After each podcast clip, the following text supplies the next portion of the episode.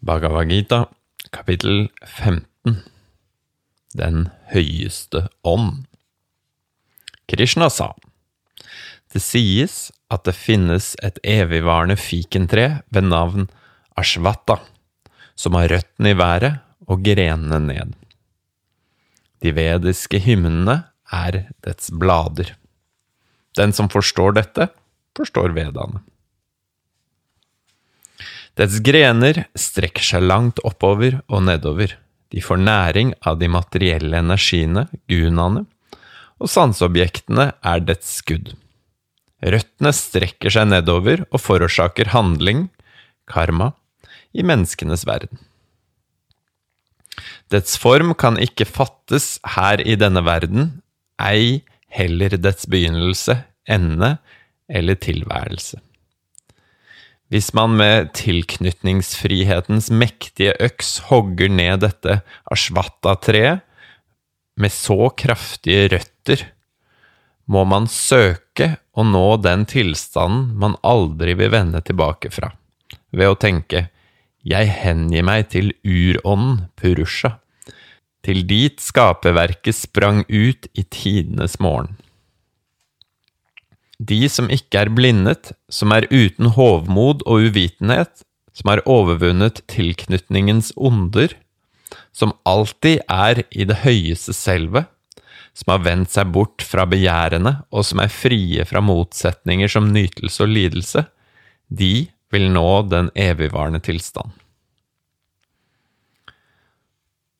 Solen skinner ikke der, ei heller på månen eller ilden, når man når dit, vil man ikke vende tilbake. Det er min høyeste tilstand.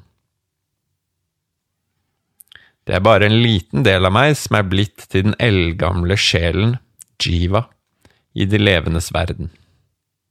Den får styringen over sansene og den sjette sansen, sinnet, som har sitt tilhold i materien, prakriti. Når Gud, Ishvara, i form av sjelen, skaffer eller kvitter seg med en kropp, tar han med seg sansene videre, slik vinden tar med seg duftene fra de stedene hvor det blåser. Når Gud er i form av sjelen, som er hersker over hørsel, syn, berøring, smak, lukt og sinne, erfarer han sanseobjektene. Når Gud i form av sjelen forlater og lever i kroppen, mens han erfarer verden og er underlagt gunanes makt, oppfattes han ikke av de forblindede. De som har åpnet erkjennelsens øye, ser ham.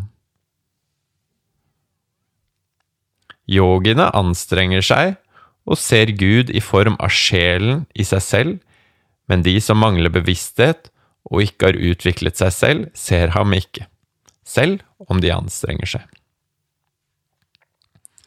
Lyset, som er solen som opplyser hele verden, som er i månen og i ilden, vit at dette er mitt lys. Ved å stige inn i jorden holder jeg alle skapninger oppe gjennom min kraft. Ved å bli denne vakre månen gir jeg næring til alle vekster. Jeg er fordøyelsens ild, og er derfor i alle levende veseners kropp. Ved å forbinde meg med kroppens energi fordøyer jeg de fire slags mat.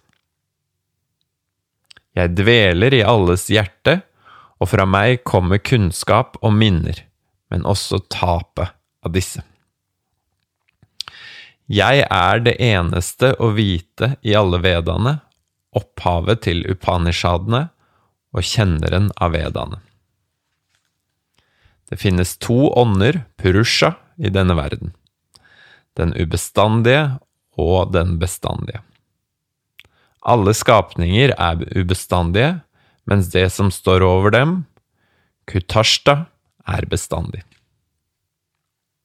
Det finnes imidlertid en annen høyere ånd som kalles det høyeste selve, og det er denne evigvarende gud, Ishvara, som har steget inn i den trefoldige verden og holder den oppe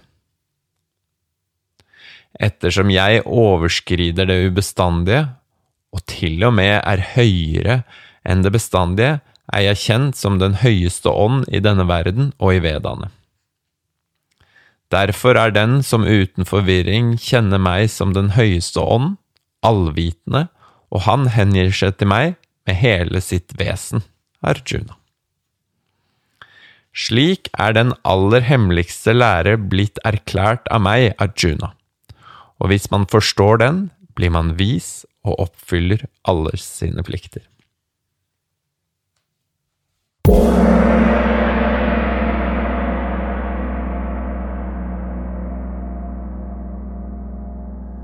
Bhagavad Gita er oversatt av Lars Christian Ims.